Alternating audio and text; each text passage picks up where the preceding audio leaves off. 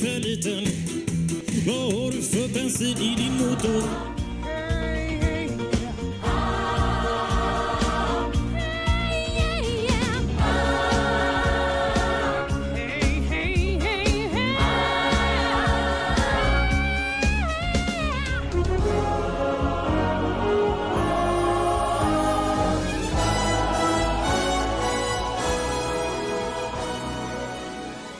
Varmt välkomna ska ni vara till ett nytt avsnitt av Red Army Sverige-podden med eh, Emil och Mikael här som vanligt. Hej hej! Hej!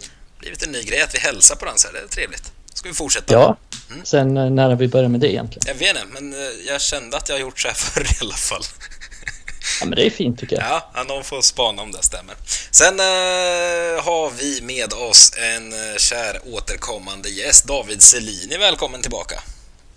Tackar, tackar. Det var snabbare återkomst den här gången än, än Ja. sist när vi snackade om att det var ett år mellan gångerna. Men nu börjar vi ses på lite mer reguljär basis. Här. Ja, folk börjar, folk börjar prata bakom vår rygg snart när vi hörs här ofta.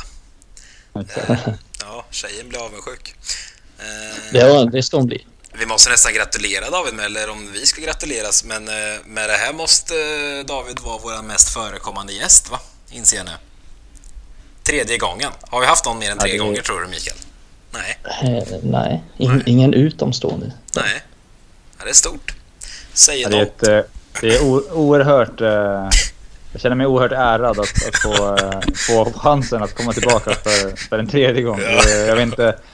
Jag vet inte om jag ska sitta och tacka någon nu eller vad ni tänker här, att man ska göra något tacktal. Men eh, jag är väldigt glad att få vara med igen. Framförallt minns jag att sist du var med så du hade ju bråttom iväg till match och grejer så vi hann ju med en timme men vi sa ju där att vi hade kunnat sitta i fyra timmar och gaffla. Eh, Så vi, vi får se hur långt det här avsnittet blir.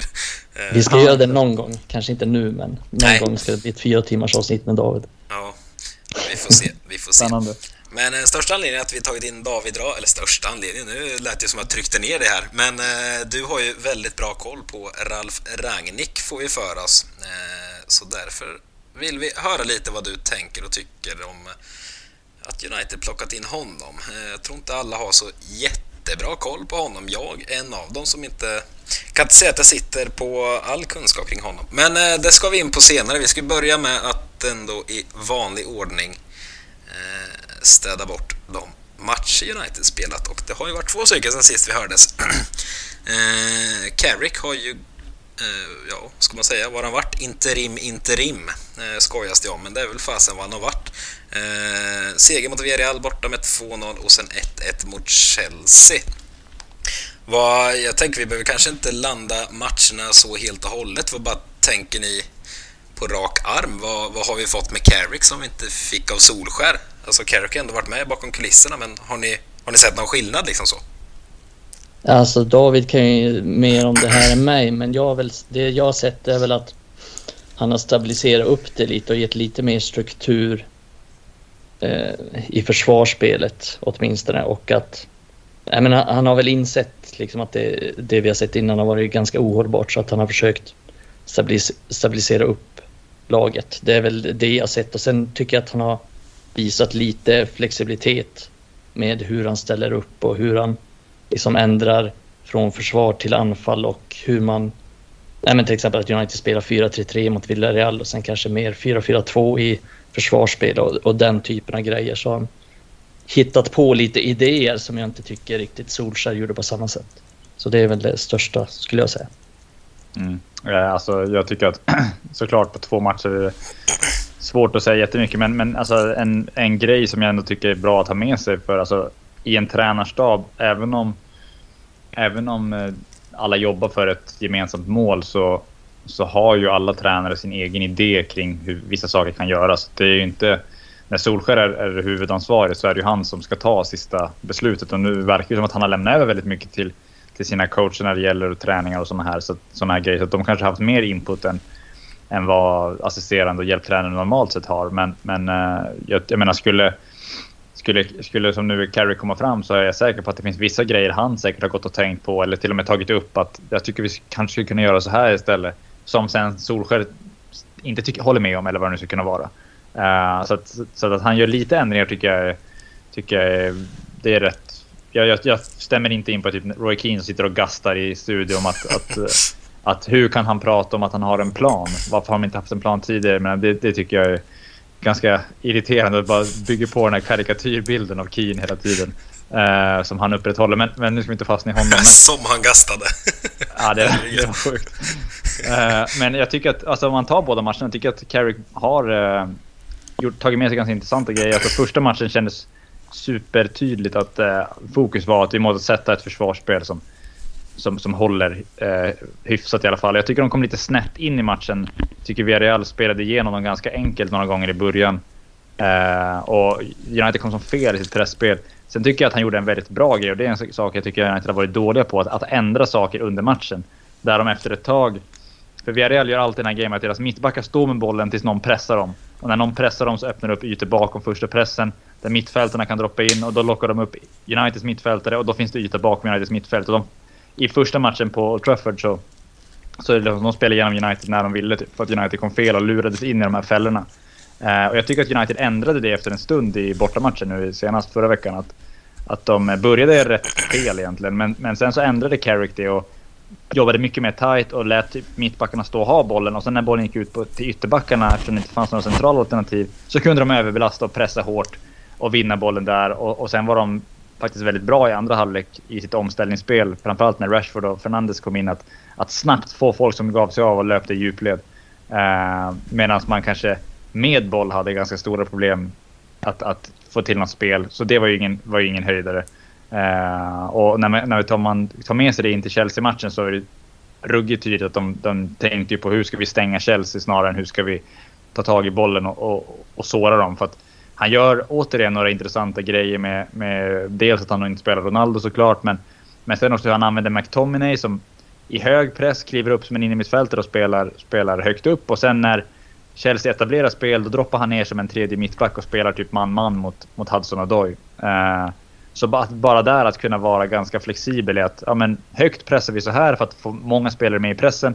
Och sen när vi, när vi liksom blir genomspelade eller Chelsea får tryck på oss, då droppar vi ner med en extra mittback för att kunna stå emot mot... För Chelsea har ju egentligen fem forwards när de anfaller. De har ju sina wingbacks brett, sen har de två inre, inre ytterforwards, man ska säga, och sen en central forward. Så att de har ju alltid fem spelare i en linje som United matchade rätt bra när McTominay gick ner. Så han gjorde lite intressanta grejer och satte en defensiv som jag tycker funkar. Men, men med boll så har det varit ganska dåligt i båda matcherna. Ja, nej, men... Mm, men, det, men det är ju lite... Det var lite samma sak i Villarreal och i Chelsea, att United var lite sämre i början. Men, men precis som du säger också, att man, att man ändrade lite till andra halvlek. Både mot Villarreal men också mot Chelsea tycker jag. Att det blev lite bättre. Eh, ju längre matchen led och att han har den flexibiliteten att han, han kan ändra matchbilder vilket jag tycker att Solskjaer var rätt dålig på att göra. Ja. Eh, så, det, så det är en positiv sak där som man kan ta med sig. Men jag blev lite irriterad över starkt ord kanske, men och nästan lite irriterad alltså, efter båda de här matcherna när jag läst på både Twitter och i, i vårt kommentarsfält på Red Army också ska sägas alltså rätt många som gnällde och sa ah fan det är ju mer defensiv uppställning än vad Solskär kört. Vad fasen är det här? Herregud, jag trodde det var något nytt. Men alltså, det måste ju folk förstå att Carrick som gick in som interim, interimtränare här, alltså han skulle ju inte uppfinna hjulet här nu utan han skulle ju, alltså, han skulle ju Alltså sätt det här, rädda det som räddas kan nu, för det var fritt fall ärligt talat ju. Alltså rädda upp det här, styra upp det, få in lite självförtroende. Och alltså det är ju bara att ställa sig och applådera. Jag skrev det efter matchen igår. Alltså vi håller nollan mot Villarreal trots allt. Det var inte en 100% insats, men vi håller nollan på bortaplan och blir gruppetta med, med andra resultatet i gruppen också. Och sen mot Chelsea, alltså det är ändå Chelsea, från Champions League-regerande mästare liksom. Mm. Som vi ändå får 1-1 mot på bortaplan och då gör de mål på en straff. Så alltså, jag tycker alltså, det är bara att applådera Carrick för det han har gjort ändå. För det har sett bra mycket mer stabilt ut defensivt. Och nu är liksom Lindelöf och Bajy som alla nästan garvade åt inför matchen. Som, som båda två är riktigt bra. Och han har fått Sancho göra mål i två raka. Alltså självförtroendet lär ha höjts. Så äh, det är bara, jag tycker det är bara att applådera och att det inte varit något riktigt eget spel nu de här matcherna. Det, mm. det är ju vad det är. Det, ja. det, det väntar med till Ragnik nu. Ja exakt och det, det, ska man ha med sig med, med Alltså för om vi ska vara helt krassa, liksom, när United mötte Watford på lördagen Förmodligen var de lediga söndagen, alltså i träning i alla fall inte någonting ordentligt med boll, de som spelade matchdagen innan. Och sen på, hade Carey i så fall en träning måndag, vilket också då var dagen innan match. Man kan inte gå allt för, allt för hårt in i den liksom. Och sen spelar de då tisdag, förmodligen lediga onsdag efter att komma hem sent. Eh, sen har de då tränat torsdag, fredag och kanske lördag. Eh, så de har haft typ tre riktiga träningar på sig. Att, att försöka sätta någonting som ska ge dem en chans att ta poäng mot, mot ett av Europas bästa lag eh, för tillfället. Så att, att, att han prioriterar defensiven är ju, det är ju, hade ju alla gjort. Eh, och att man hinner inte göra någonting så mycket med boll på, på så kort tid heller. Det är ju därför. Det finns ju en anledning till att alla topplag spelar en, oftast en offensiv fotboll och alla bottenlag som slåss för sitt liv satsa på sin defensiv. För att det är ju mycket svårare att sätta ett anfallsspel. Eh, och då behöver du ha dels bra spelare men också liksom de bästa tränarna. Och där tycker jag att Carrick har varit, varit, varit smart och jag tycker han har varit skön i intervjuer. Alltså jag gillar hur han snackar framförallt inför matcherna. Tycker han har haft på presskonferenserna. Man hör att han, han tänker fotboll på ett sätt som, som jag inte har fått upp, uppfattningen av Solskjaer som snackar mycket om om att lag är bra. Han säger inte så mycket vad de är bra på. Carrick har ändå snackat typ, ja, men de jobbar så här och bra, Chelsea är bra på att skapa, skapa connections med sina mittbackar och sitt mitt, låga mittfält liksom och hitta och försöka locka in det och spela igenom. Och, ja, han pratar om sådana här grejer och sen går de ut och så, och så har de en plan för att stoppa det och stoppa Chelsea från att spela igenom mitten och lyckas helt okej okay med det. Uh, så det säger ju mig att han har i alla fall någonting som han kan ta med sig framöver i sin, i sin tränarkarriär. Att förhoppningsvis kunna ta ett, ett eget jobb någonstans eh, i framtiden. Ja, och sen är det ju så här också att de senaste tre åren och till och med innan det att United är så pass dåliga i uppspelsfasen. De är så pass dåliga under press. De är så pass dåliga på att spela sig ur situationer. Så dåliga i, i sitt passningsspel överlag. Så att det kommer ju bli alltså, för framtida tränare kommer det bli ett oerhört stort arbete innan United kommer vara trygga i de grejerna. Och sen att förvänta sig att liksom Carrick ska fixa... Nu har ju Carrick varit där innan så att han är ju delvis ansvarig för det men jag tycker det är svårt att säga hur stort ansvar han har för det. Han har inte övergripande ansvaret för det i alla fall. Så att han, han kan ju liksom inte på tre dagars jobb komma in Nej. och fixa ett tre års arbete där de inte gjort någonting på träningen, vad det verkar. Alltså de har inte jobbat någonting med det här. Eh, det kan jag nästan slå fast. Alltså, de, det, det sa de väl till och med att de har inte jobbat någonting med pressspel. Så att, att han ska komma in och fixa det på några dagar, det är, det är helt orimligt. Och, och det kommer ju bli, vilket vi kommer komma till sen också, men det kommer ju bli oerhört svårt för Ragnik också att kunna fixa under den här säsongen. Sen kan, han, kan han förhoppningsvis lägga en grund för det till nästa tränare som tar över till sommaren som kan jobba ännu mer med det. Men det går inte att fixa sånt här på tre dagar när det här laget har spelat så här i, i fem år och inte jobba någonting med det på, under de åren. Mm. Vad tänker ni bara innan vi, innan vi kliver på raggningsspåret? Eh, alltså en ganska stor detalj ändå som Carrick har gjort här det måste man ändå säga att han har bänkat våra kära portugiser i varsin match. Mot Villarreal sitter Bruno bänk. Minns jag inte när det hände sist förutom när det liksom ja, en ligacup typ. Och sen mot Chelsea sitter Ronaldo bänk. Vad tänker ni kring det movet? Vad, varför gör han det tror ni? Ja, alltså Villarreal-matchen vet jag inte varför han, varför han äh, bänkar Bruno. Det, han hade ju lika gärna kunnat spela det känns lite konstigt. för spela honom istället för van de Beek exempelvis. Eller, eller, eller spela honom istället för, för någon annan offensiv spelare. Uh, men det, det, alltså vi vet, han kanske var sliten eller någonting. Eller bara liksom, någonting som gjorde att ja, men vi, vi sparar dig idag från start och så får du spela på... Du, du spelar ju på söndag liksom. Uh, menar, det kan ju vara... Att, inte vet jag, det kan ha varit vad som helst i Brunos privata som har hänt. Liksom. Och så har... Eh, Carrick haft en dialog. För det verkar som att han haft en dialog med Ronaldo exempelvis. Han stod, stod och sa det innan matchen, typ att vi har, vi har pratat om det här tillsammans och kommit fram till, att, till den här planen. Typ. Han var inte som att han bara, nej men jag vill spela med Rashford och Sancho för att jag tror att de kommer kunna hota mer i djupled eh, och göra ett bättre jobb i, vår, i vårt pressspel för vi kommer få försvara mycket idag. Utan det verkar ju som att han har typ snackat med Ronaldo om det. Uh, utifrån ja, vad han sa efter matchen. Ja, men tror du inte att det var tanken också? Liksom att han har tänkt att ja, men Ronaldo passar inte den här matchen. För jag vet, vi har ju diskuterat ganska mycket innan Emil, att just i stormatcher så, så passar inte Ronaldo särskilt bra för vi kommer inte få så många målchanser och vi kommer inte ha så mycket boll att han kanske blir lite, alltså att laget kanske blir lite lidande när han inte är så bra i pressspelet. Och nu är inte Rashford och de fantastiska heller, men de springer ju åtminstone lite mer. Mm. Ja, någonstans lite uppfriskande ändå tyckte jag att det, för man har gnällt på lite Solskär sista tiden att det var ju samma gubbar som älgade vidare oavsett hur det såg ut. Men då... Ja, men det är skönt med ett beslut. Ja, men bara, det händer någonting. Hela tiden. Ja, men det, det händer jag någonting. Rätt, rätt jävla trött på sig. Ja. Men, men vi får väl ta med ändå positiv vecka här eh, som Michael Carrick eh, lämnar över. Eh, det här spelar vi in på måndag kväll ska sägas. Eh, Ragnik blev officiellt klar eh, vid lunchtider ungefär. Eh, sen är det lite oklarheter ska jag väl säga. Han måste få arbetstillstånd eller vad det nu heter och det råder väl oklarheter kring om det är helt klart innan matchen mot Arsenal som är på torsdag. Eh, så vi får väl se. Carrick leder United fram tills eh, tysken är på plats helt enkelt. Men vad, vad tänker ni? För bara, min första är nästan en liten kritisk fråga. Men alltså, alla verkar ju överlyckliga över att Ralf Rangnick nu ska komma. Jag ska vara helt ärlig och säga, jag är eh, högst fotbollsintresserad men jag sitter inte inne på Ralf Rangnick i bakfickan och vet exakt vem han är och hur han funkar.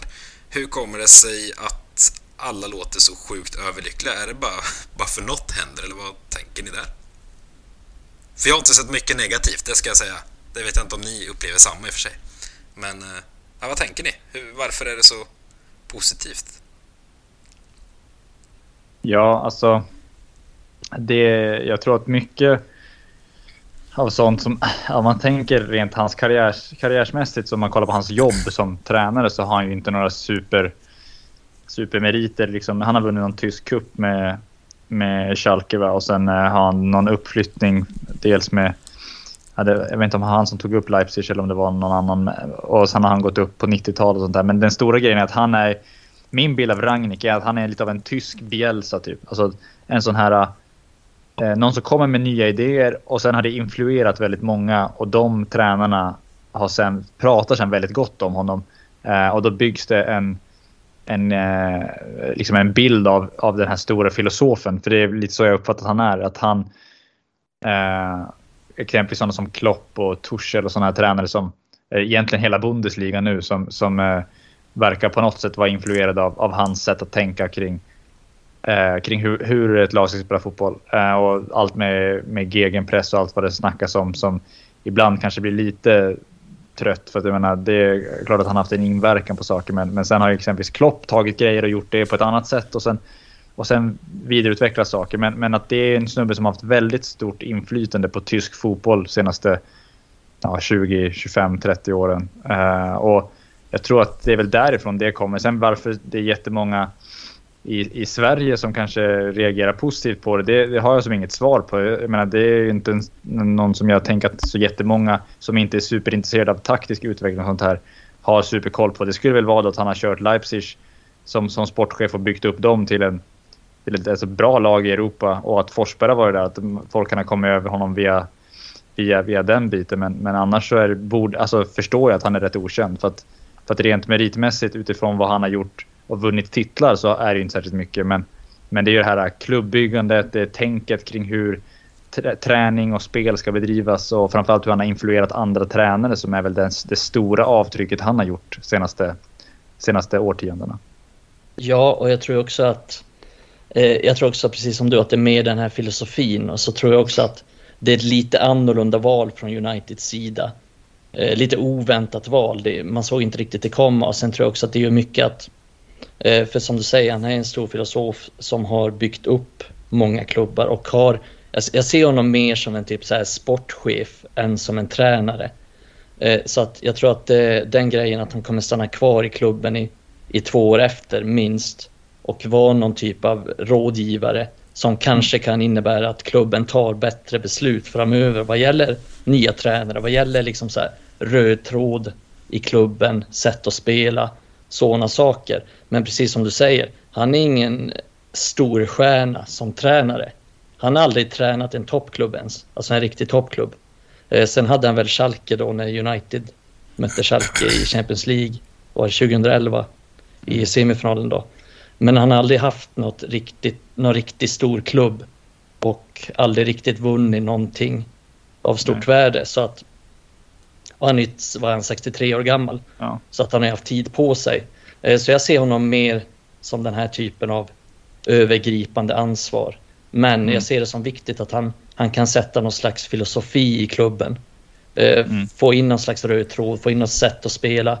Kanske få den här klubben, eller det här laget att ja, men få in någon slags presstänk, få in någon slags upps, uppspel som kommer kunna ge nytta i framtiden som en tränare efteråt kan bygga vidare på. Det är väl det som jag ser som det positiva.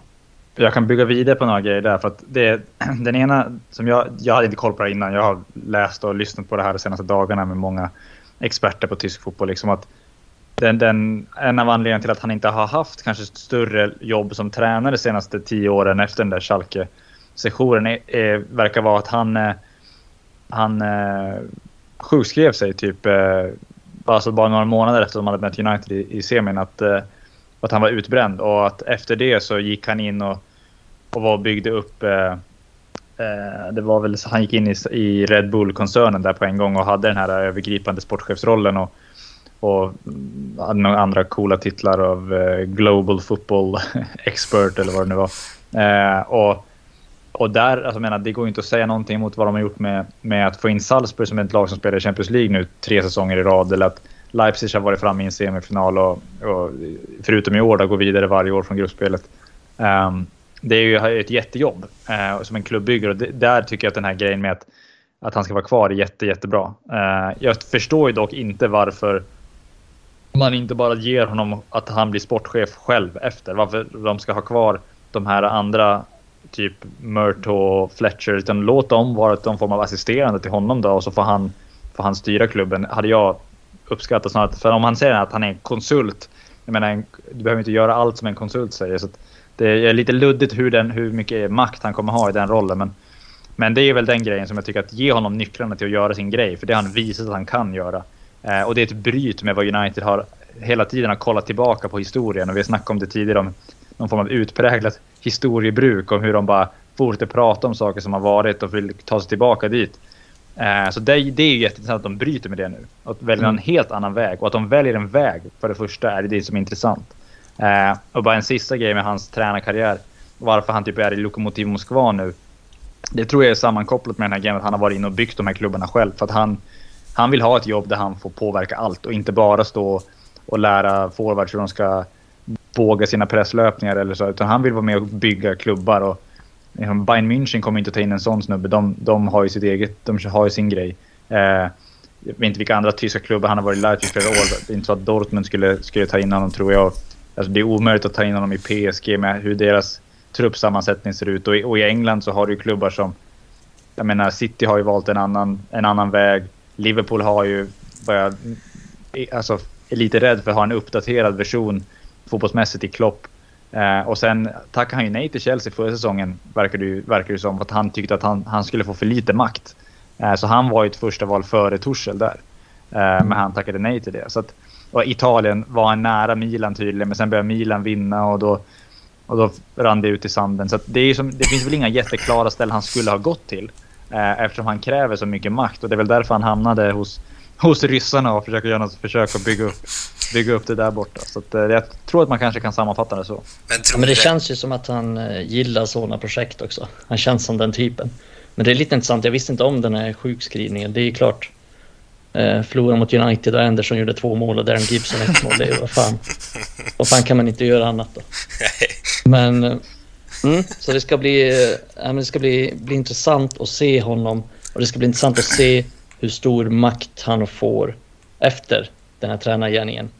Ja. Eh, men det ska också bli intressant att se hur han utvecklar det här laget. För det, det känns jävligt oklart vad, vad som kommer hända, hur han kommer liksom ställa upp och hur han kommer sköta det. Men eh, bara dyka in där. Det här med att han vill ha så mycket makt och som ni säger och, och David, du är inne där på att han kanske borde få bli ren sportchef själv så att säga. Alltså hur tror ni det här kommer landa till slut då? Alltså för mig liksom låter det lite så här. Oj, ska en gubbe styra hela klubben i princip om det där han kräver. Jag tycker det låter lite halvläskigt och liksom tror ni kommer skära sig med, med Murtog och, och Fletcher och sådana profiler om han liksom kommer och bara kör över att nu jävlar är jag som bestämmer. Eller vad tänker ni kring det? Jag, jag, jag, tänker, alltså jag menar mer alltså att han, inte, inte att han ska bestämma och göra allting själv. Jag tror inte det. Jag menar typ att han får en chans att påverka eh, föreningen eller klubben han jobbar i på ett, på ett mer ingripande sätt. För att normalt tar du in en huvudtränare till ditt A-lag. Han tränar ju bara A-laget. Alltså vissa klubbar har att de ska påverka hur man jobbar i akademier och sådana här grejer. Men, men jag tror att det är en sån grej. Han vill, han vill liksom kunna sätta ett sätt att jobba i, i klubben så att spelare utbildas på ett visst sätt så du får upp de spelarna i A-truppen. Han vill att man rekryterar på ett visst sätt. Han jobbar ju bara typ med att värva unga spelare Eh, som, som det går att utveckla. Eh, tidigare klubbar har ju varit så man kan sälja vidare också. Det blir intressant att se hur, hur de tar sig an det i United de närmaste åren. Hur de kommer rekrytera. För att United är väl ingen mellanstation för, för särskilt många spelare. Eh, så jag tror att det är mer ett sånt att han vill kunna påverka fler delar så. Eh, och det hade han aldrig kunnat göra i Italien exempelvis som tränare. För att Italien så du tränar laget. Sen är det någon annan som ger dig spelarna. Eh, och sen är det ditt jobb att se till att laget vinner. Och den typen av roll verkar han inte vara särskilt intresserad av. Så därför är det intressant att se vad de har sagt till honom. Det verkar ju på alla rapporter, och det är ju klart att de skriver så, men att de här Murtaugh och Fletcher har blivit super typ så här uh, wowade av, av allt han sa. Eh, och att de verkligen, verkligen gillade hans sätt att tänka kring, kring Uniteds framtid. Så det bör ju för mig säga att de, de är beredda att lyssna. Och, och sen tror jag att, att kan de bara se det som en form av... av eh, det är skumt när de kanske är de som har de riktiga rollerna, men någon form av, av eh, lärlingskap av en snubbe som har, verkligen har gjort det här. Alltså han har, han har lyckats bygga klubbar och få dem att ta sig till nya nivåer. Och det är klubbar som... Jag menar trots att Hoffenheim har en miljardär som ägare och trots att Leipzig eh, också har en miljardär som ägare genom Red Bull och såna här grejer eh, så har han ju ändå gjort jobbet. Alltså han har ju satt ett spel, han har satt ett sätt att värva spelare och utveckla de här spelarna och sen säljer de vidare. Så att, jag har för mig att han har sagt någonting om att Salzburg gick Alltså, de köpte jättemånga spelare, men de gick typ så här 200 miljoner euro plus för att de sålde så bra också. Så att, att, att få hans know-how in i klubben kan inte, kan inte vara något annat än positivt. Och då måste man ta tillvara på det och inte bara att han ska stå där och så ska de säga ja, ah, tycker du att vi ska värva den här spelaren? Nej, jag tror inte det. Okej, okay, ja, men eh, vi ska fundera på det och sen köper man den spelaren ändå. Bara att man ska rådfråga honom. Utan ge honom chansen att verkligen påverka. För då tar United steget på riktigt in i framtiden tycker jag. Mm, ja, det ska bli intressant för att eh, tydligen så gillar ju John Murtog eh, Ragnik väldigt mycket och har beundrat honom i flera år, läste jag. Och liksom eh, pratat med honom innan också. Eh, så man hoppas ju och tror, för jag, det känns bra ändå, jag vill ändå vara positiv, att att de verkligen tar in vad han säger och verkligen kommer gå på hans linje. För att då känns det som att vi har en ganska, eller en ljusare framtid åtminstone för, för som det känns nu liksom hur de har styrt innan och deras track record på hur de har värvat spelare och värvat tränare. Så kan man inte vara särskilt positiv. Så att jag tycker ändå att det är ett steg i rätt riktning. Sen får man ju se hur det hela utspelar sig men det ska bli intressant jävligt intressant. Alltså mest intressanta värvningen högre upp på flera år skulle jag säga. Mm. Vi ska väl säga det också till er lyssnare som inte har läst lika mycket som eh, David och Mikael grottar ner sig i sånt här kanske. Eh, men tanken är nu i alla fall att, eh, att Ragnik kommer in tillfällig tränare fram till sommaren. Därefter två år i någon form av konsultroll har de väl kallat det. Mm. Ja, men som sagt lite diffust exakt rollen, men typ sportchef, eh, sportcheferi kan man väl slarvigt sammanfatta Men det är jävligt oklara roller i Ja, det är det sen Vi snackade tidigare om Darren Fletchers roll. Riktigt, vad gör han egentligen? Han är och det verkar som att Darren Fletcher inte riktigt har fattat sin roll heller. Nu på matchen mot Chelsea så satt han ju i princip på coacha laget för fan. Ja. Eh, så att det verkar ha varit jävligt oklart där innan och jag vet inte om det här gjorde det så mycket klarare. Helt plötsligt är väl eh, Ralf Rangnick med på träningen och spelar kvadraten eller någonting. Eh, det, det återstår att se, men, men det verkar inte ha varit... Inte det verkar inte vara superklart det här heller. Ja, men kan inte rent ut vara så att de känner så här, att vi ska ha den här tysken med här nu, men han får nästan skräddarsy sin roll lite själv efter det här halvåret. Alltså, kan det vara så flummigt rent av? så att man bara kallar det konsultroll och sen får vi se lite exakt vad det landar i. Och inget fel med det egentligen. Men, ja. Nej, och jag, jag tror också att alltså, eh, grejen med Ragnik, alltså som man ska... Alltså han är ju uppenbarligen och är alltså väldigt meriterad krig. att han, han, han har ett sätt att jobba som han tror på, han följer det och han gör det, alltså han gör det bra. Eh, så att, att han accepterar den här rollen innebär att han kommer ju ha någonting att säga till om. Sen, eh, jag tr tror inte att det är omöjligt, nu går vi händelserna i förväg, men att han att han, eh, han har redan nog en plan på vem han vill ska ta över och de kommer diskutera vem den tränaren ska bli och då är det så att den tränaren inte går att få loss då eh, eller att av någon anledning går någon annanstans så tror inte jag att det är omöjligt att han kör på som tränare. För att, eh, han får ju nu liksom en unik möjlighet som ingen annan som sitter högre upp i en klubb kan göra med att inventera hela truppen. Och ska United välja hans filosofiska väg kring hur man ska spela fotboll så och han kommer få in, input i hur man värvar spelare och sånt där så finns det ju inget bättre än att han verkligen får se alla spelare dels träna, spela matcher men också hur de liksom är som, som människor om de passar in i den bilden av det framtida United. Jag tror att han hade inte hoppat på det här om inte han känner att han verkligen kommer kunna påverka och få, få igenom lite av det han tror på. För att jag menar, det blir ju inte, du, du får ju inte ett större uppdrag. En klubb som har totalt sabbat sig själv i åtta år. Eh, som, som har alltså, obegränsade resurser typ. Eh, och, och vad heter det, vill nu slå in på din väg att bygga klubben för framtiden.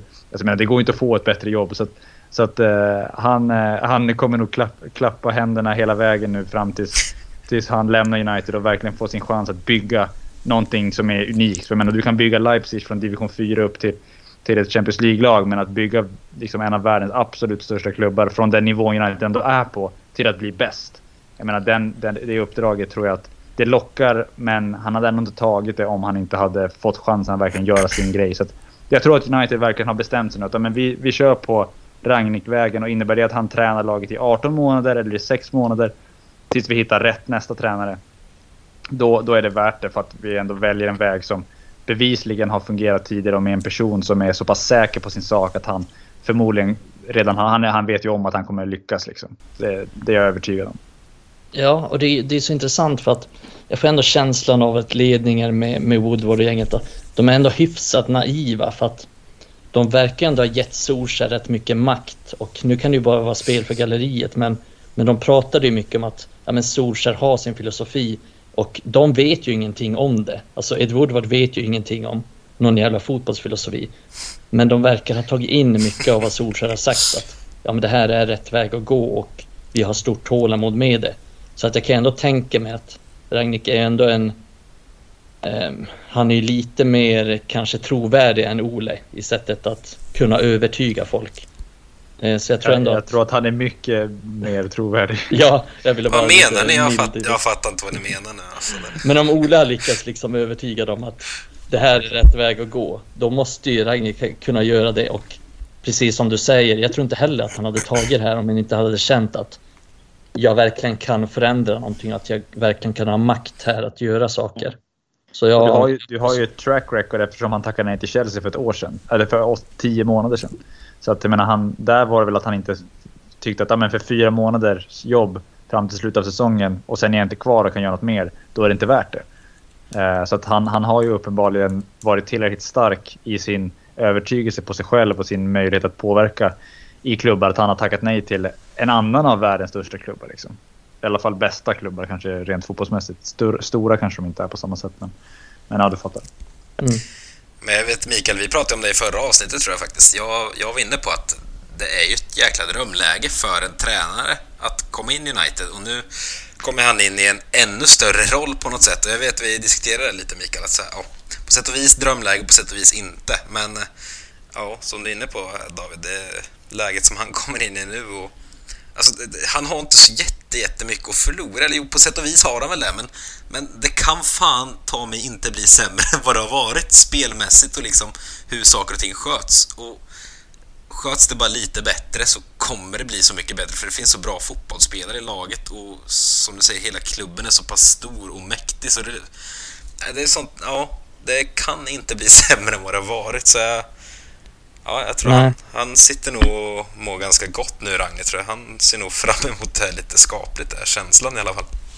Ja, men det, det, är lite som jag sa, det är lite som jag sa innan att det finns ju så mycket att jobba på här. Alltså att det här laget har inte tränat så mycket på de här, den här typen av saker. Så att han kommer ju på att där blir det ett stort jobb och där kommer det bli ett svårt jobb. För det kommer ta tid att kunna sätta de här pressspelen. Det kommer ta tid att kunna få till ett, en bättre liksom, uppspelsfas och ett bättre passningsspel. Och det kommer ta tid för honom att implementera den filosofin för att det är ju så, så oskilt jämfört med Solskärs frihet liksom. Så att på det sättet kommer det bli svårt. Men det positiva är att han har en jävligt bra trupp att jobba med, en ganska ung trupp, en, en trupp som är påverkbar, som han kan göra saker med. Och sen har vi väldigt många bra unga spelare också som är liksom så tekniskt skickliga och kvicka och snabba i tanker och jobbar hårt och har alla de här egenskaperna som jag tror att Ragnhild kommer gilla. Så att eh, det finns många positiva grejer och många bra unga spelare som jag tror kommer kunna blomma ut under honom. Ja, och jag, ty jag tycker att kring läget, alltså jag menar, skulle det totalt skita sig här under resten av säsongen och United blir typ åtta eller var, var vi ligger nu. Eh, alltså det, det, går ju rätt enkelt för honom att ta steget upp på läktaren och säga att ah, det här var bortom all räddning under det här första halvåret. Så att, eh, nu, nu har vi i alla fall börjat sätta en idé och nu är det nästa tränares jobb att att förvalta det vi har påbörjat. Och vi har te testat alla, eller alla spelare har fått träna i det här tänket och, och eh, de här kommer vara kvar. Eh, och sen börjar du om på en ny kula. Så jag, jag, tycker att han har, han har ingenting att förlora. Alltså, jag menar, förlora, om de åker ur serien, absolut, då, då har de något att förlora. Men, men annars så tror jag att det finns bara saker att vinna på honom. Ja, men och vi supportrar tänker jag, nu kan jag bara gå till mig själv i och för sig, men någonstans, okej, okay, åtta kanske att ta i, men man, alltså om det scenariot händer, någonstans accepterar man det ju. Eh, eller så här, jag köper det alltså. Det är klart man har som krav att man ska komma topp fyra nu när, alltså, det finns ju ändå inom räckhåll, men Mm. Ja, men ni förstår, jag tänker alltså, kom, slutar vi sexa om Ragnik bara fullt ut bara kör på sin stil här nu, så här ska vi spela. Och så skiter han ifall vi torskar med 2-3-0 ett par matcher i rad, för han sätter sin jävla filosofi går inte riktigt att tjafsa emot. Vad ska man säga då? Nej, fortsätt med hängslen och livrem här för vi ska få till ett kryss bortom mot Chelsea igen. Det, det, går ju inte nu. Carrick gjorde rätt som gjorde så nu, men nu ska ja. vi ju se framåt. Så någonstans, alltså, jag personligen i alla fall kräver absolut inte så här, nu ska vi gå och vinna Champions League den här säsongen som Chelsea råkade göra förra året. Alltså, nej, som du säger, han kan, han kan fan sätta sig på läktaren där i maj och peka ner och bara säga nej det, det, här var inte jag som gjorde att vi kom sjua. Jag har styrt upp det här så nästa säsong kommer vi komma ja. topp tre. Så, så det... Ja, nej. Ja, men sen får man ju ta också kravbilden. Alltså, man tänker ju... Man tänker när man, när man tänker på United så tänker man ja men det är jävligt höga krav och United ska vara bäst. Men det har ju inte riktigt varit det.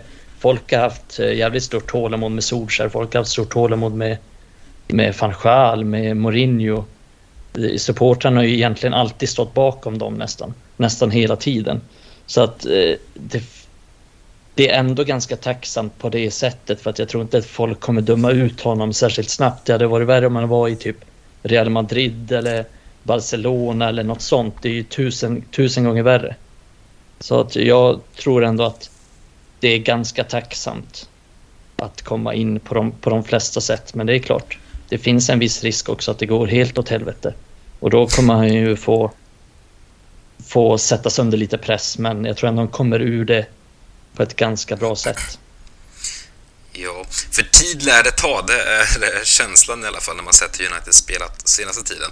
Eh, vi ska gå in lite mer på hur vi lär eh, se United spela. David är lite mer insatt än vad en normal människa är i hur Ragnik vill sköta det. Men vi tar en kort paus så eh, kör vi vidare på det alldeles strax.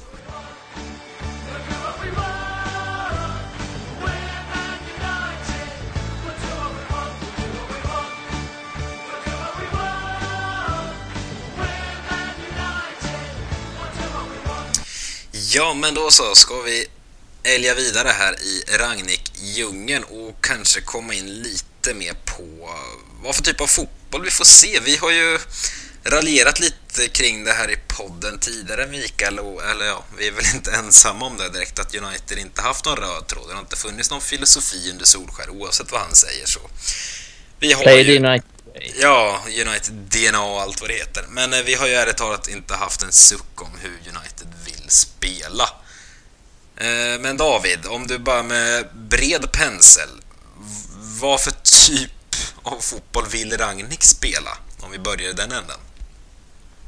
Ja, men Ragnik, eh, hans fotboll är eh, alltså i mångt och mycket väldigt likt många av de här tyska tränarna eftersom som sagt han har influerat väldigt många av dem. Alltså den, den stora grejen är att eh, när laget har bollen så vill han så fort som möjligt spela den framåt eh, genom att han, han använder en grej som är därför jag kollar mycket på honom som jag tycker är ruggigt intressant. Han kallar det för bollorienterat. Ett bollorienterat spel där man liksom de utgår från bara vart bollen är och sen försöker man att ha så många spelare som möjligt runt bollen hela tiden så att alla spelare är, är kopplade till varandra och jobbar nära varandra. Så att om det skulle vara så att du tappar bollen så kan man snabbt vinna tillbaka den för att du har många spelare runt den.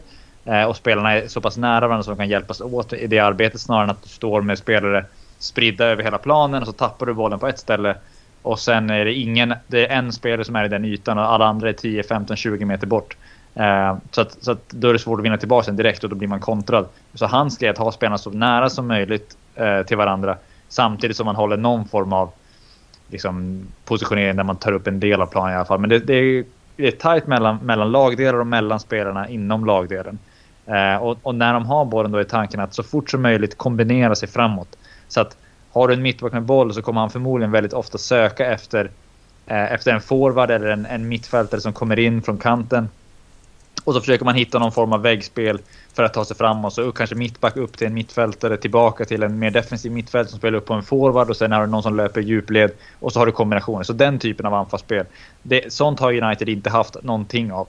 Så det kommer vara en jätteskillnad för spelarna att verkligen säga okej, okay, nu spelar det roll hur vi positionerar oss på planen. Det är inte bara att vi ska gå ut och försöka hitta några sköna ytor där, där jag själv trivs. Utan nu, nu kommer det verkligen vara typ, ja men ditt jobb Bruno är att spela i den här ytan. Och du kommer spela där och du kommer ha McTominay bredvid dig, du kommer ha Wan-Bissaka där och du kommer ha Rashford eller Greenwood eller Ronaldo där.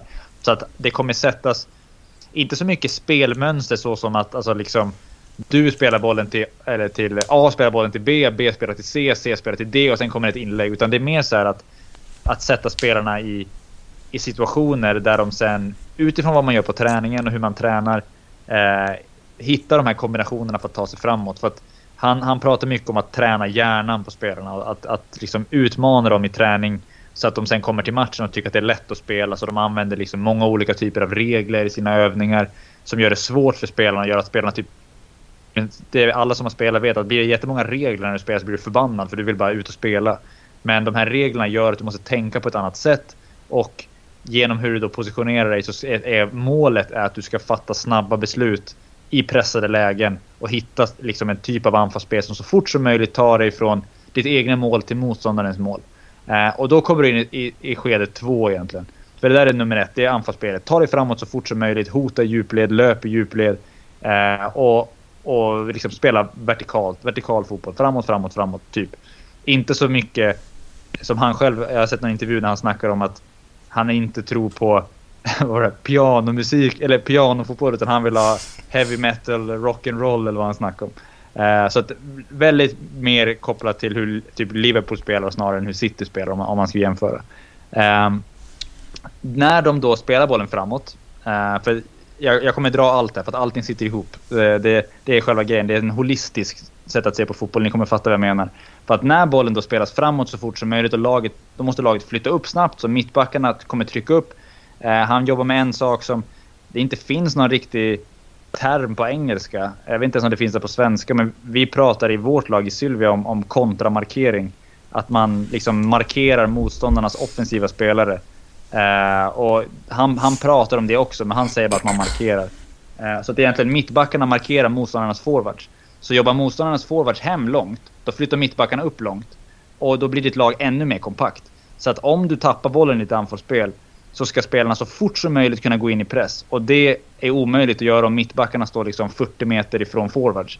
Men de är kanske 25 meter ifrån forwards. Så har du mittfältare däremellan och jättemånga spelare centralt. Eh, och då kommer det in i det här som är liksom gegenpress grejen. Att vinna tillbaka bollen inom, eh, inom åtta sekunder från att du har tappat den egentligen. Så att så fort som möjligt komma in och ge press på bollhållaren för att kunna stoppa kontringen högt upp på motståndarnas planhalva. Och det här gör de bra. Jätte, jättebra. När han tränade Leipzig för vad är det, två år sedan och de kom två i Bundesliga så var det så var det, jag tror att de var det laget efter Bayern München som spelade mest på motståndarens planhalva och, och liksom inte blev tillbakatryckta i matchen. De lyckades behålla spelet där uppe och den här kontramarkeringen och, och återerövringsspelet och den här gegenpressen är en stor del av det. Och när man då vinner bollen, så vi hade åtta sekunder från att bolltapp till att vinna tillbaka den. Eh, om man vinner bollen, då ska man komma till avslut inom 10 sekunder. Så då är återigen där, varför har du spelarna så nära varandra och vad är det här bollorienterade? Jo, när du pressar bollen eller, eller när du liksom vinner tillbaka den direkt, så spelarna är så pass nära varandra. Så exempelvis om, om motståndarnas vänsterback har bollen, då kommer United nu under Ragnik flytta över hela laget på den sidan. Vara liksom väldigt kompakta på den sidan och försöka pressa, pressa, pressa i de ytorna som, som de väljer att pressa.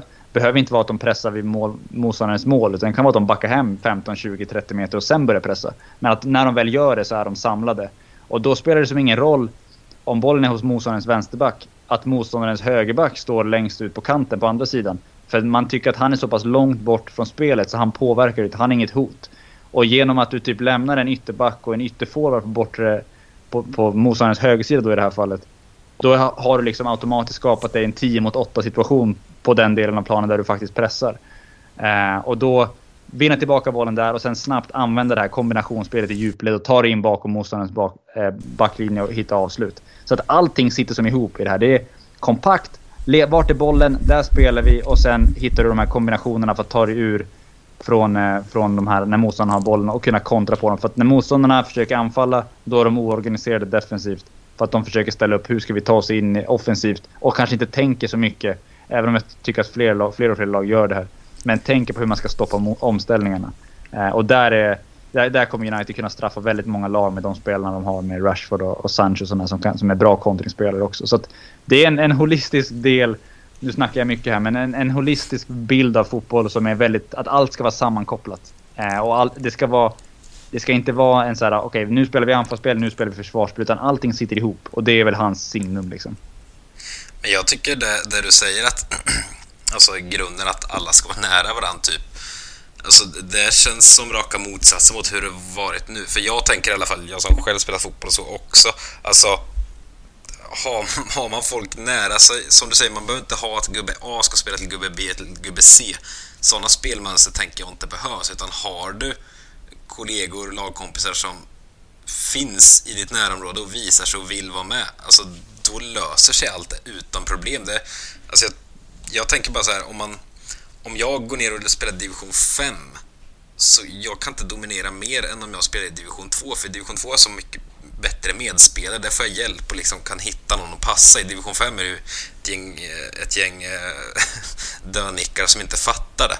Ja, men alltså jag, och så upplever jag att det vart i United ibland. Man ser ju typ Lindelöf tycker jag man ser hur ofta som helst. Han bara står med bollen och slår ut med armarna. Vad, vad fan ska jag göra? För, och så ser man, då står liksom McTominay i passningsskugga. Fred vet man inte vart han är. Och så står det fyra man högst upp på, på bredd. Och, nej, så jag, det pirrar lite när man, när man hör det där att det, att det kommer finnas mm. lite mer sådana. Ja, men det har ju varit ett återkommande problem under Solskjaer. Det är att laget har varit väldigt långt många gånger. Eh, väldigt sårbara för omställningar. Och mittfältet också. Eh, alltid i passningsskugga. Går inte att spela till dem. Går inte att spela genom mittfältet. Solskjaer har knappt använt mittfältet. Men ser du några så här negativa saker med den här taktiken? Liksom, vad kan farhågan vara? Vad kan det liksom, mm. hur kan lag, hur skulle lag kunna såra oss så att säga? Ja, nej, alltså absolut. Det, det finns ju. Det finns ju en del grejer att, att fundera över kring hur spelartrupp och sånt här ser ut, men alltså bara för att, för att alla ska hänga med. Det finns ju en grej som, som väldigt många lag pratar om, är väldigt många fotbollstränare i Sverige framförallt, att när, när vi har bollen ska vi blomma ut och liksom ha spelare överallt. Och det är väl den grejen som han går emot lite. Att, att du inte, du inte... Om vi har bollen hos vår högerback och vän, motståndarens vänster, eller våran vänsterytter spelar längst ut på kanten på andra sidan och han är liksom 70 meter därifrån. Så är de inte han är inte med i spelet på ett sätt. Och, och det är väl det som är själva den här gamen, att de är, att de är kopplade som jag pratade om. Men, så det är bara ett, ett exempel. Men, men eh, ja, alltså det kommer ju inte ta två träningar för dem att lära sig hur de ska spela. Eh, så jag skulle räkna med att första tiden kommer vi se väldigt många konstiga situationer där spelare typ men, tajmar fel eller kommer fel. Där de vill göra en viss grej, men de har inte läst situationen tillräckligt snabbt. Så de gör det liksom i, i fel, till, vid fel tillfälle. Och då kan det bli att du missar bollen eller att du missar en löpning och så får motståndaren ett friläge. Och här blir det intressant att se hur han anpassar sitt spel ut efter vad han har för, för spelare. För att eh, om du ska spela det här som jag snackade om, kontramarkeringen och trycka upp mittbackarna. Om ett lag forwards backar hem djupt liksom, och försvarar tight framför mittfältet. Och så ska du ha liksom Maguire som inte är en raket i djupled och inte Lindelöf heller. Eh, och de, de två skulle spela mittbackar väldigt högt upp liksom på motståndarnas planhalva. Och komma fel, och United kommer fel i sitt andra, sitt, sin återerövring. Så är det ju jättestora ytor att springa på bakom. Eh, men, men tanken är ju att genom att så fort du tappar bollen kunna ha press på den. Så är det inte farligt. Utan det hade varit farligare att, backa, att stå med mittbackarna på mittlinjen och låta forwardsen ha kanske 10-20 meter och vända upp och spela på.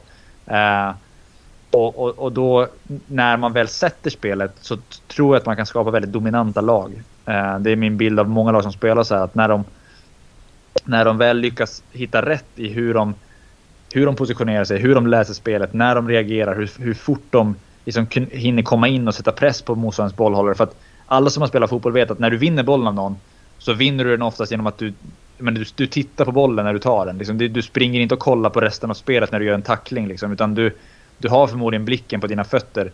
Och när du då vinner bollen med motståndare så måste du... Så du, du kollar på bollen och sen måste du höja blicken och då måste du hitta ett alternativ och göra, vad du ska göra med bollen.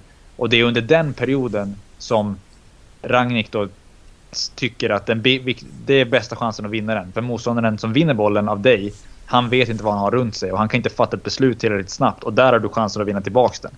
Så att när det spelet sitter, då finns det ju, jag menar, det, det, är, om, det är klart att det kan finnas svagheter ändå, men, men då är ju spelet som det ska göra. Men tills vi kommer dit, om det tar två månader eller om det tar två veckor eller om det inte händer över hela, överhuvudtaget på, de här, på det här halvåret. Jag menar, då, då är det ju ett problem för då kommer United släppa in mål och förmodligen förlora matcher som de som de kanske inte förtjänar att förlora. För de kan dominera en match men sen missbedömer du två bollar och så ligger du under med 2-0 Eh, om du möter bra lag. Så, att, så att det skulle väl vara ett, ett, problem. Och sen ser jag ingen jätte... jätte alltså jag ser inte hur typ eh, vissa av de här spelarna som i min värld känns väldigt... Alltså icke-coachade de senaste åren. Jag, jag, jag sa det här sist jag med att jag ser inte att typ Rashford eller Greenwood eh, eller, eller Martial och de här spelarna har blivit coachade alls de senaste åren. Utan jag tycker att Greenwood har varit med så pass kort tid om man jämför, men, men Rashford och Martial Rashford har blivit mycket bättre för att han själv är en så pass stor talang och han, han spelar matcher och han, han utvecklas.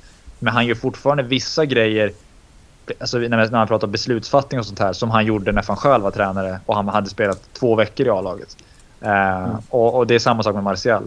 Så där ligger väl grejen att Rangnick måste få de här spelarna att, att tänka fotboll på ett annat sätt. Wan-Bissaka är en annan som känns väldigt speldum. Liksom. Han tänkte jag på när du satt och pratade och, och här. Maguire och liksom McTominay lever på sin kraft och liksom, han är ju en jättebra pressspelare vilket gör att han borde funka rätt bra. Men har han... Hur är hans speluppfattning? Liksom är det, för det kommer inte vara att du ska, han ska springa och markera en motståndare. Det är inte okej, okay, ditt jobb idag, det är att markera Mason Mount som han gjorde förra säsongen. Och följa efter honom vart han än går. Det kommer inte hända utan nu kommer han få jobba med sin position hela tiden. Och hans positionsspel har ju varit hans problem eh, under väldigt lång tid. Eh, så det, det, är typ så de här spelarna som jag... Alltså en sån som Bruno Fernandes, han kommer lära sig spelet på två veckor. Juan Mata, om han hade spelat så smart som han är, han hade lärt sig på två veckor. Eh, en sån som Matic också, liksom haft många tränare, spelat i olika länder. En spelsmart spelare, han lär sig det på, på, på två veckor. Men, men det är de här andra spelarna som inte har, har den här äh, utbildningen på samma sätt som jag. Min bild i alla fall av dem. Eh, de kommer få jobba mer. För att, liksom, vi, vi snackar mycket om United pressar och att Rashford och Greenwood de här pressar fel och de visar det här målet mot Liverpool hela tiden. Eh, och det kommer de, få, de kommer bli coachade i det. Och det kommer vara mer strukturerat och organiserat. Så jag tror att får han bara poletten att trilla ner, då kan du få ut, liksom, utdelning rätt snabbt. För att Alltså kontringsspelarna United har. Det är inte, sådana spelare har inte Ragnik haft tidigare om vi säger så. Jag menar Rashford skulle kunna... Han skulle kunna göra ett mål per match utan problem. Bara att United vinner bollen och snabbt hotar bakom diagonalt innan motståndaren hinner reagera. Så har han sprungit ifrån och skapat tillräckligt många lägen för att, för att göra ett, ett par mål per match. Så att han kan ju få en jätteökning i sin utveckling. Men det gäller bara att så fort som möjligt ta sig dit. Och det är väl det som är farhågan. Att det kan ta lite för lång tid och vi inte får de här effekterna under de här sex månaderna. Och det är en sak som Rashford är bra på faktiskt.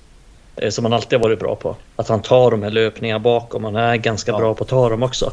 Sen ja. tycker jag så här, jag håller helt med om att de inte riktigt har blivit coachade. Det enda jag kan se att de har blivit lite coachade på och som jag också kan tänka mig att de har blivit lite coachade på. Det är ju själva avslutningsförmågan. Att ja. Solskjaer kanske, det är det han tycker är viktigt. Och det är det han själv var bra på också. Så att jag tror att han har tryckt mycket på det. Men jag tror inte han har tryckt mycket på så beslutsfattande. Att de ska ta bättre beslut. För det är ju Rashfords eh, svaghet och har varit det under väldigt lång tid. Att han, han tar fel beslut. Han tar ganska dåliga beslut. Så jag hoppas få se den utvecklingen. För att eh, Green var det ju mycket bättre på att ta, ta bra beslut. Men han har ju inget, han har ingen synk i sitt pressspel eller sin... Nej. Hans arbetskapacitet är också rätt dålig. Och precis som du säger, han känns inte riktigt välcoachad, vilket inte så många av de här spelarna heller gör. Men eh, där tror jag att man kan få ut ganska mycket med, med rätt coachning. Men det gäller, bara, det gäller bara att det sitter också. Det är det som är så svårt att veta. Det är det som är så svårt att förutspå. Hur de tacklar det och hur de accepterar honom och hur de liksom deras inställning är till hans sätt att spela. Jag hoppas och tror mm. att och kommer ta det på ett bra sätt och kommer få den utväxlingen. Ja, och jag tror en grej som många ofta snackar om, typ så här, och det tycker jag att man missar poängen lite när man pratar om typ Alltså att spelare, hur de pressar och sånt Att, att, att han måste springa mer och det, det, ser inte ut som att han försöker och sådana grejer. Jag har väldigt svårt att tro att några av de här spelarna nu, jag har inte kollat deras löpstatistik och jag vet att Ronaldo har legat botten på sprints och pressgrejer sen jag har sett det på Sky några gånger. Liksom. Men alltså, det som är fördelen med att spela i ett så här typ av organiserat och strukturerat försvarsspel är att du pressar förmodligen inte lika ofta som du gör i ett lag som är utspritt. För då, då blir det så här. När du väl pressar så kanske du pressar, du pressar 10 meter. Du behöver inte springa 40 meter. Och då menar du springer kanske mindre men de 10 meterna du springer är, finns en tanke bakom och det är ruggigt. Du vet vad du ska göra. Du har en högre intensitet i det du gör och du orkar då göra det längre. Istället för att behöva springa 30 meter, bli bortspelad och så orkar du inget mer för att du blir förbannad för att varför följer ingen och backar upp i en press och sådana här grejer. Och det, sånt kommer försvinna tror jag. Så jag tror att det, det, det är inte en, alltså en omöjlighet för mig att att för, för, min, min bild av hur den här säsongen kommer se ut. Jag tror att United kommer ha det rätt tufft nu i början för det är många matcher. Det är inte särskilt mycket tid att träna. Eh, sen kommer det in jul, eh, också många matcher. Men framåt liksom slutet på februari, mars, april, maj. Då tror jag United alltså, verkligen kan flyga. För jag tror också att det finns en risk nu i början att det kan bli en del skador.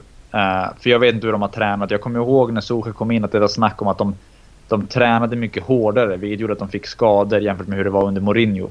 Och det var som mm. en ursäkt till att det gick dåligt den där första våren när han efter han hade fått sitt kontrakt United typ förlorade varenda vecka. Uh, så så men det var många skadade och liksom PSG-matchen hade ju knappt en bänk. Liksom. De fick ta in juniorer och sånt där. Eh, men det kommer nog vara så i början också. För det är väl lite så när Klopp kom in. Carragher snackade om det i Sky igår. Att när han kom in var det jättemånga muskelskador för de tränar på ett helt nytt sätt. Mycket mer intensivt. Och där tror jag att Ragnik kommer... Tyvärr att det kan bli en del skador. Eh, men men eh, när det väl börjar sitta mer och mer. Och det är det som är positivt där. Att United är vidare i Champions League. Uh, och som gruppetta får förmodligen en lite enklare åttondelsfinal. Så att skulle du kunna komma fram mot... Ja men den andra spelas ju oftast i början på mars. Så att har du mars i, börjar komma in i mars-april, vara kvar i Champions League eh, och ändå kanske ha hyfsad position i ligan så kan United göra en ganska bra avslutning på säsongen tror jag. Men det kan vara en ganska knagglig väg dit. Eh, och jag vet inte om vi ska gå in på, på så här, vi har nämnt några spelare nu som skulle kunna passa rätt bra. Alltså Rashford kommer spela på topp. Eh, jag, har inte, jag har inte snackat om formationer för att Rangnick är väl så här. Formationen är det viktiga är eh, hur spelet ser ut. Men, men han kommer spela förmodligen någon form av 4-4-2. Eh, är jag rätt övertygad om med de här spelarna. Det, det kommer vara antingen hans version av 4-4-2, vilket inte är en Ferguson-version, utan det här är en där han spelar med, med en fyrbackslinje, två innermittfältare, sen har han två yttrar. Men de spelar egentligen som tior, så de, de spelar väldigt centrerat. Och sen två forwards, så det blir något 4-2-2-2. Hur många två var det? Så, så, 4, spelade, 2, 2, så 2. spelade han väl väldigt mycket i Leipzig vill jag minnas att Forsberg var en av de här Exakt, yttrarna som var exakt. tior och hade ja, väldigt fri roll. Lite som han ibland är i landslaget. Nu är ju han mer vänster, men ibland när Sverige har bollen i landslaget så har ju han ganska fri roll och opererar lite vart fasen han vill. Ja, det, är en, det är en jättebra, en jättebra jämförelse. För att, för där har du det igen, att du, han vill få in många spelare centralt för att det blir extra lätt, alltså det blir lättare att kombinera mellan linjerna då. Att kunna hitta in på en innermittfältare som stöter tillbaka till en ytterback som sen spelar in till en av de här tiorna. Och sen har du forward som löper och trycker ner backlinjen så det finns yta att spela mellan, mellan lagdelarna. Så där kommer en sån som, som Fernandes spela. Han kommer vara en av de där två tiorna om de väljer det. Det andra är att han kanske spelar med en diamant på mitten. har han gjort ganska ofta också. Eh, och spelar fyra diamant två då. Eh, men, men om vi utgår från 4-2-2-2-2. Det är svårt med tvåorna. så, så skulle jag gissa att, att han kommer använda typ Säg Bruno till vänster och Sancho till höger exempelvis. Som de två tiorna. Och sen kommer Rashford spela som en av forwards. Alltså, jag tror han kommer älska Rashford. Eh, och sen att den andra forwardspositionen kommer väl kanske snurras då mellan typ Greenwood, Ronaldo och Cavani liksom. Eh, men att Rashford kommer nog vara den som spelar mest tror jag på topp. För att han är verkligen den mest utpräglade djupledslöparen av dem. Eh, och, och det, han vill ha en sån forward. Eh, och sen på mitten då, så menar det skulle kunna vara Fred och McTominay. Men det skulle vara ett annat typ av Fred och McTominay. Jag, jag tror inte att det behöver vara ett problem. Alla, alla kommer gå i taket. Fred och McTominay igen. Exakt. vad kul det kommer vara att Jag tror se. Fred kommer, du ska få fortsätta, men jag tror att Fred kommer passa ganska bra för att jag har ju varit en försvarare av Fred här att med lite struktur så kan han vara jävligt nyttig i ett lag. Och jag tycker ändå typ nu mot Chelsea att han var en av våra bästa spelare. Och när han väl får de här instruktionerna då kan han vara väldigt nyttig i ett lag. För får Fred frihet och får Fred tänka för mycket, ja då blir, då blir det som när han får det avslutet mot Chelsea. Det är så det Ja. blir när, när han får den friheten. Men när han har struktur, då, då är han bra. Ja, exakt. Och där, det, han kommer ju få en struktur och han kommer förmodligen få alltså, mindre ytor att, eh, att rö, alltså, pressa och försvara. Och när, du, när han får det, då är han ju, alltså, han är ju alltså, en fantastisk pressspelare stundtals. Alltså, eh, jätte, jätteduktig. Och sen har han ju problem med sitt passningsspel ändå, ibland han ger bort dumma lägen. Men förhoppningsvis så kan det hjälpas av att ha en bättre struktur runt sig. Att hitta lite enklare passningar. Men, men han tror jag kommer vara hur bra som helst. Jag tror också att en sån som van de Beek är så pass smart så han kan spela både som någon av tiorna och bredvid Fred exempelvis. Eh, om det är att United kanske kommer mer ha, ha mer boll i en match. Men, men blir det en, en toppmatch så kommer McTominay definitivt spela bredvid Fred. Jag tror att Matic kanske får det lite svårare med energin som kommer krävas. Eh, att, att röra sig över, över hela planen tillsammans. Även om man, man inte blir utspridda så, så måste man ändå flytta över när bollen spelas ut på sidor och sånt här. Och det, där kanske han kan det svårt att ta en ordinarie plats. Men han kommer nog vara, liksom, kunna användas en hel del. Sen i backlinjen vänsterbacken, är, alltså Shaw bör ju vara den bättre vänsterbacken utifrån vad han gjorde förra året. Men, men jag tycker ändå Telles har gjort okej de här två matcherna. Så att han får, kommer få konkurrera och Van Bissaka kommer ju såklart spela till höger. Och sen är det ju mittbacksfrågan är ju intressant alltså för att Lindelöf Mm. tror jag kommer gilla det här. Det kommer passa honom rätt bra. Eh, sen eh, Varann är ju väl egentligen den bättre av alla tre. Eh, och jag räknar inte Bailly där. Jones Eh, då? att, Han är inte ja, med. Jones, Jones, Jones eh, kommer nog få det tufft faktiskt. Synd. Men Maguire är ju ett, alltså, det är ett frågetecken. Liksom. Han har varit riktigt kass den här säsongen. Men han kanske behöver nu någon som vågar säga åt honom att han är, har varit dålig. Liksom. Eh, Mm. För det är väl min känsla att Rangnick, han tror så pass mycket på sin idé och sitt system att han kommer inte allt för mycket bry sig om att oj, nu petar jag den här spelaren. Ja men so what, du gör ju inte det jag ska göra. Eller det du ska göra i mitt lag. Jag hoppas han är så pass tuff eh, och så pass stark. Men han har ju inte haft sådana här spelare på den här nivån tidigare heller. Så att det blir intressant att se hur han, hur han löser det. Men, men eh, Maguire, Pogba och Ronaldo är väl de tre som jag tror eh, kommer ha, ha mest att göra för att anpassa sig. Maguire har vi ju snackat om varenda gång jag har varit med att han är ha, ha, ha, verkar ha sina fria tyglar och han går och ställer sig framför de sker vid insparkar och bara dödar ytor och vinklar och spelar på och gör sin grej. Eh, och han håller på med sina chippade passningar ut i Shaw så att han hamnar i skiten och sen står han och skriker på honom att, att han ska switcha on och sånt här. Så att, att han kommer få någon som säger åt honom vad han ska göra blir ju intressant. Eh, så att eh, det, det, finns en del sådana här eh, beröringspunkter som kan bli rätt, rätt intressant att se hur de hanterar. Men, men Maguire, Pogba och Ronaldo är väl de som verkligen sticker ut. Att det här kan, här kan det ske lite grejer. Ja men det känns ju verkligen så på förhand. Alltså, tänker Martial kan väl också få det ja, li lite tufft kan jag tänka mig. Men jag tror ändå att det är svårt att säga så här på förhand. Jag förstår, jag håller med dig och jag tror att de här spelarna har, har sämst chans. Liksom. Det är inte till deras fördel kanske att en, att en ny tränare kommer in överhuvudtaget kanske, om man säger så. Eh, eftersom Solskär älskade Maguire på alla sätt och vis och aldrig petade honom aldrig gjorde någonting mot honom. Men jag tror ändå att det är ändå ett nytt blad för alla och jag tror att han... Det här är bara min känsla. Att han kommer vara ganska öppen för att alla får visa sitt och visa sig. Och att han kommer liksom ge alla en chans på ett sätt om du förstår vad jag menar. Att mm. han, kommer, han kommer som ett tomt blad och de kommer få den här chansen att visa att ja men vill du spela i, i mitt lag då kommer du behöva göra det här. Och det kan ju mycket väl bli så att Maguire skärper till sig och anpassar sig. Det kan ju Exakt. till och med bli så, även om jag inte tror det, att Martial skärper till sig och visar någon jävla glöd. Men eh, utgångspunkten får ju ändå vara att typ Rashford Fred, tänker jag också, eh, kommer ha störst chans att spela. Jag vet inte hur mycket förändring han kommer göra i backlinjen, för där känns det inte som att det finns så mycket att laborera med. Och speciellt inte ytterbacken, för att Shaw är ju ändå... Ja, nu är det ju jämnare än någonsin mellan dem eftersom Shaw har varit så dålig den säsongen. Men jag tror ändå att Shaw kan få ett uppvaknande av det här. Annars finns det inte så mycket att laborera med där.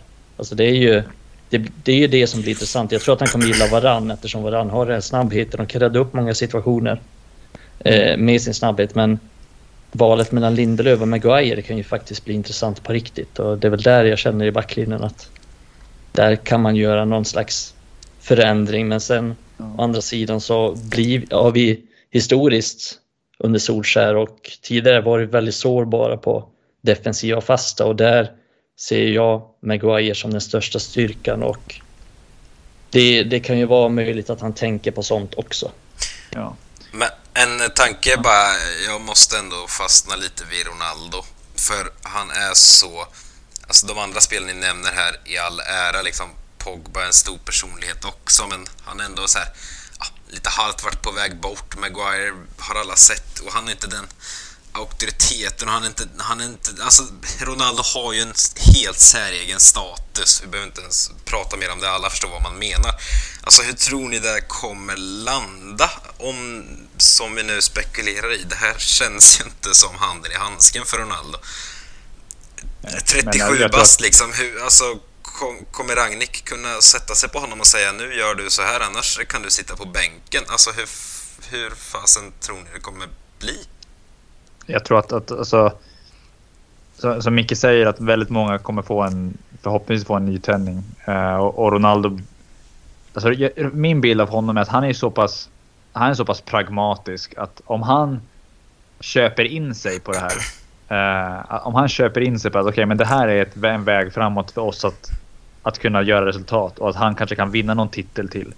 Uh, då, då har jag, tror inte jag att det kommer vara några konstigheter alls. Eh, att han kommer köpa in sig på sättet att spela och sånt här.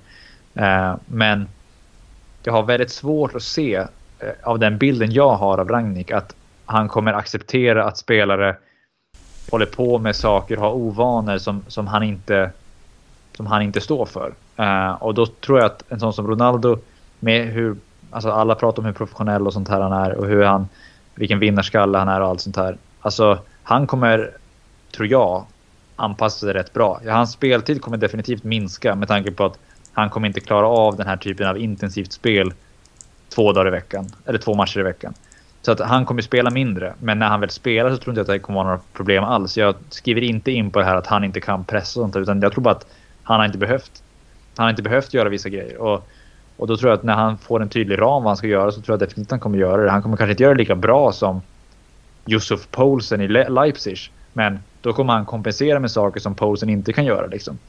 Uh, så att jag, har, jag tror att det, Ronaldo kommer lösa sig. Han kommer spela mindre, men, men han kommer definitivt uh, att, att kunna anpassa sig. Och gör han inte det så då är det, tror jag att det är hans förlust. För att han, han kommer nog inte kunna sura sig kvar i startelvan.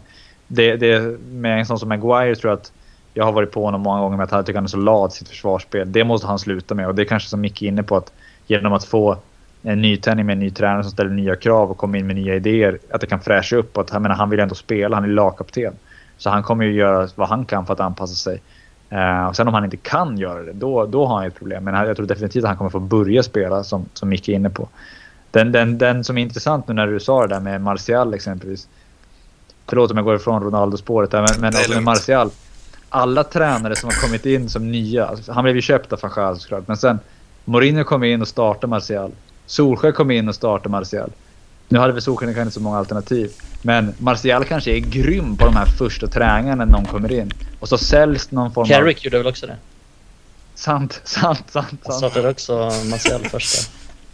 Så att jag tänker att han blir ruggigt het på de här träningarna efter och ska visa vad han kan. Så blir folk hänförda av hur bra han är och bara jag ska bli den tränare som får ut allting. Och sen, och sen eh, blir det inte så. Det är ändå äh, svårt att se att Martial tänder till på träning och gör en jävla show. Jag tar ju inte honom för det.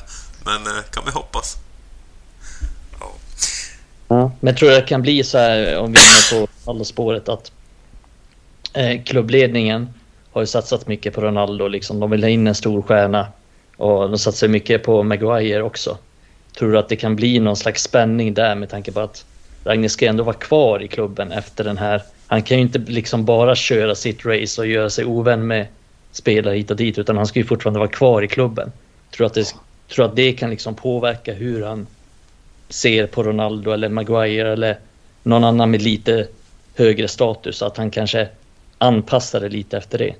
Ja, men det, jag tror att han kommer definitivt anpassa hur, hur hans lag har spelat tidigare. För att det finns eh, alltså, spelare i den här truppen som, som, som eh, är kanske är lite för bra för att man bara ska kassera bort dem. Och, liksom Ronaldo är en sån. Alltså, jag menar, du, han gör ju mål i varenda match han spelar och sen kanske det finns en negativ effekt av, av att ha honom på planen i andra skeden. Men men kan du få bollen till honom i straffområdet så är han ju en garanti för att du kommer göra mål. Och gör du mål i matcher så då har du en ganska bra chans att vinna den. Så att jag tror inte att, att han kommer bara komma in och domdera. Jag tror han kommer anpassa sitt spel för att få ut det bästa av de spelare han har. Och det är liksom vad alla tränare gör. Eh, så att jag tror att, att den, den, stora grejen är väl att se hur, hur vissa av de här spelarna anpassar till alltså, hur deras prestationer ser ut. För är, de, är prestationerna dåliga, då tror jag inte det kommer vara något problem för honom att peta dem.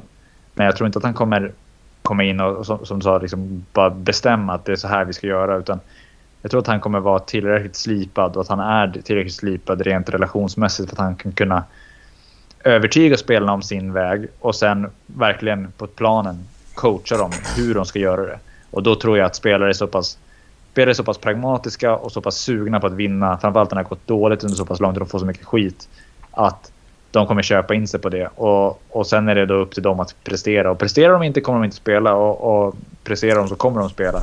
Men att det kanske, som du säger, skräddarsys lite efter, efter hur de här spelarna är och vilka egenskaper de har. Men, men i Ronaldos fall så tror jag verkligen att han kommer anpassa sig rätt snabbt om han tror på det. Och sen kommer, sen kommer han spela, men inte spela i samma utsträckning som han har gjort. Utan de kommer använda honom alltså, mer sparsamt, men samtidigt ofta. Liksom. Så att det, nu när vi har match torsdag, söndag så tror jag inte han hade startat båda exempelvis. Om, om Ragnik körde båda. För jag tror att hans kropp kanske inte återhämtar sig lika snabbt från en mer intensiv arbetsinsats exempelvis. Vad, alltså när vi ändå varit inne och pratat lite spelare så, tror ni att alltså det materialet som finns i United, eh, räcker det, duger det, funkar det till Ragnik här nu eller behövs kommer han peka ut två, tre, fyra gubbar i, redan i januari som han vill värva tror du och rensa ut truppen liksom? Eller nöjer han sig med det som finns när han kikar ner här nu? Jag tror att alltså, det går definitivt att göra grejer utifrån hans sätt att spela med den, den, truppen som finns. Det är jag övertygad om. Det som är intressant är att se vad som händer framöver. Här, för att han har ju en historia av att bara värva, vilja värva unga spelare som han kan utveckla och hans, klubb, hans klubbar kan utveckla. Eh, och där går ju vissa, med, inne på Ronaldo igen. Liksom där, där går ju det lite emot att ha en så pass gammal spelare. Men med den insatsen som klubben har gjort för att få in honom igen så, så, så kommer han såklart ha kvar sin kontraktstid ut. Eh, det är jag övertygad om. Men, men där blir det intressant att se vad de gör. För att han vill ju utveckla unga spelare. United har väldigt många bra unga spelare som spelar i, eh, i, i eh, U23 och de är ute på lån vissa och sånt där. Det vore intressant att se om han alltså, kollar och plockar åt sig någon av dem och introducerar.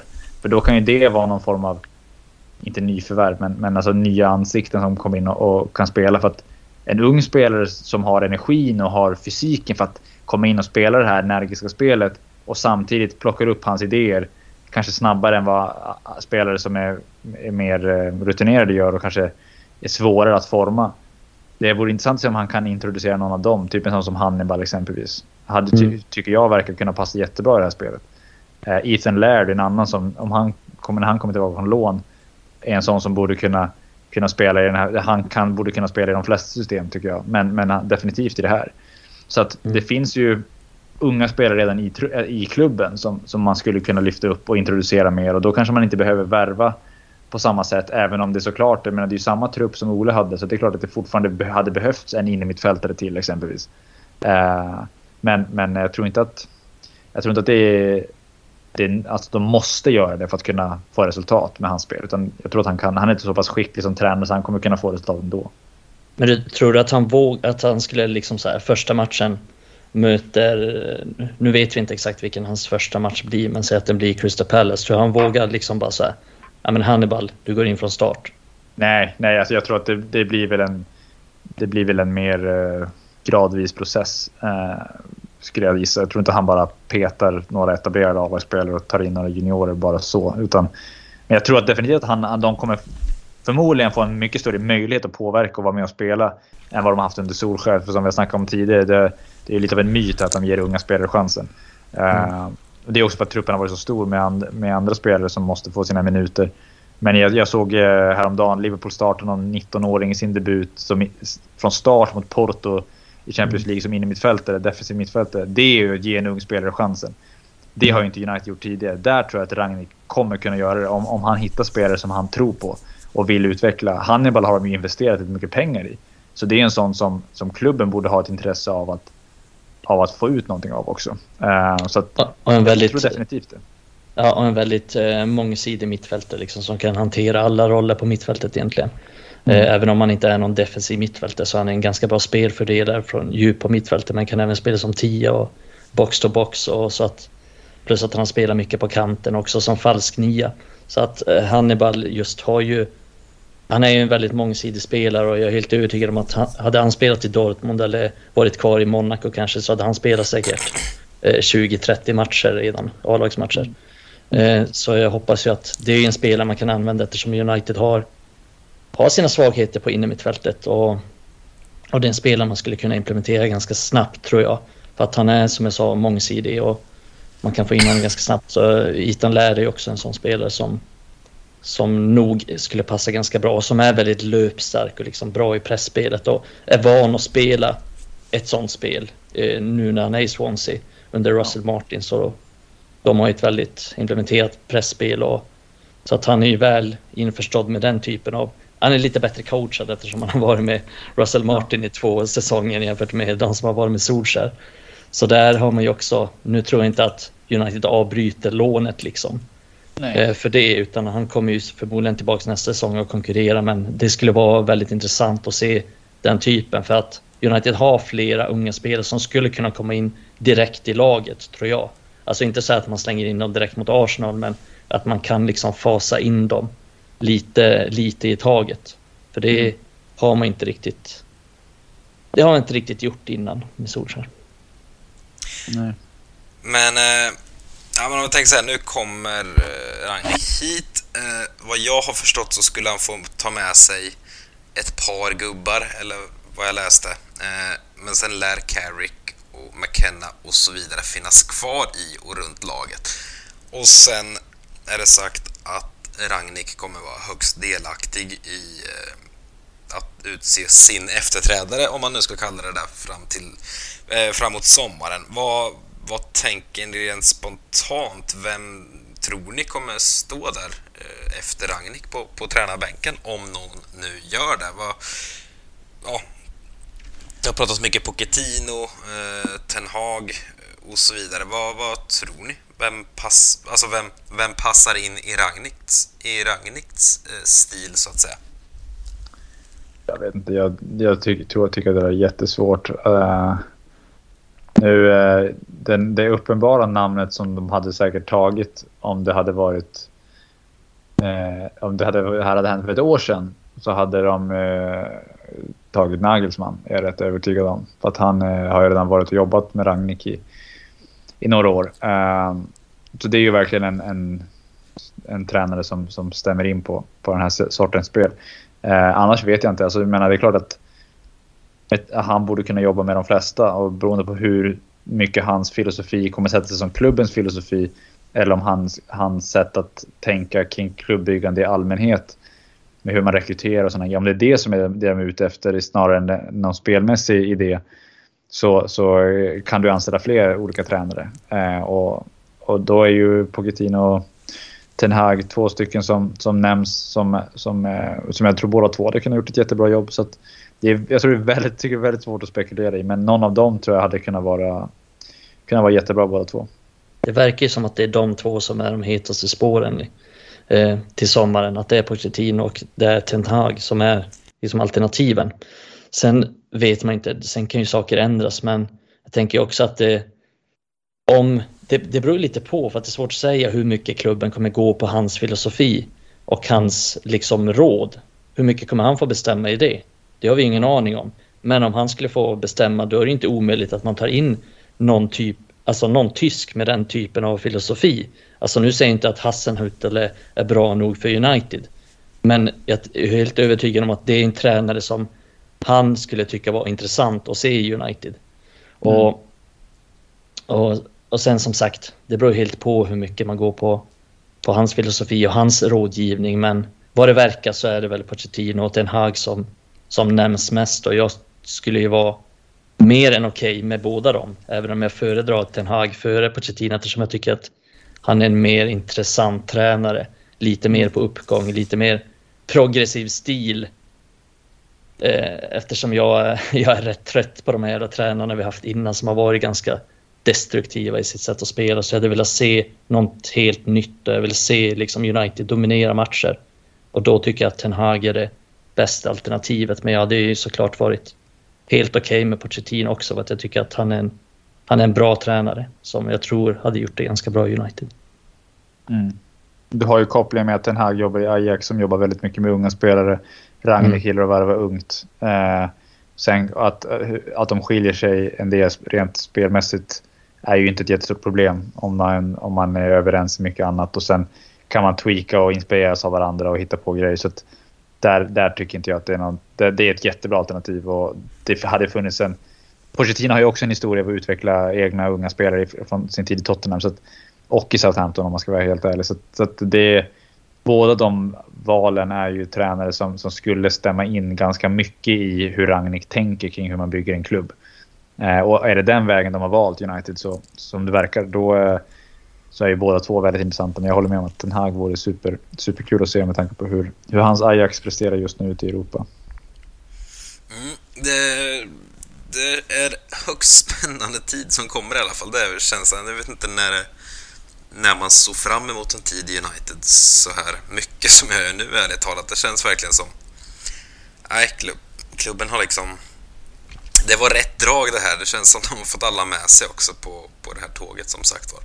Eh, om vi ska blicka fram nu så har vi Arsenal på torsdag och Crystal Palace på söndag. Båda hemmamatcher, båda i ligan. Som sagt så får vi se om eh, ja, om Ragnik står där vid sidlinjen vid någon av matcherna. Arsenal känns väl tveksamt om han hinner det, men Palace lär väl han stå där i alla fall. Eh, så vi... Ja, vi får se. Blir det högst spännande att se. Kanske vi står här och åkt på 0-3 i arslet mot ett par lag här i början för ingen fattar någonting av vad Ragnik försöker hitta på. Nej, coachar Ragnik mot Arsenal så vinner vi med 8-2. coachar Carrick så blir det 1-0. Sjukt det hade varit.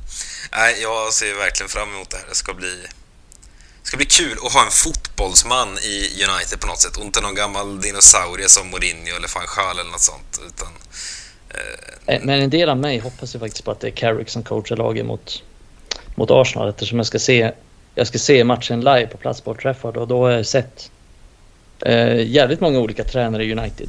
Fergie, van Gaal, Giggs, Mourinho, Solskär, Carrick och sen ska jag se matchen mot Crystal Palace också. Och då kommer jag få se Ragnik live också.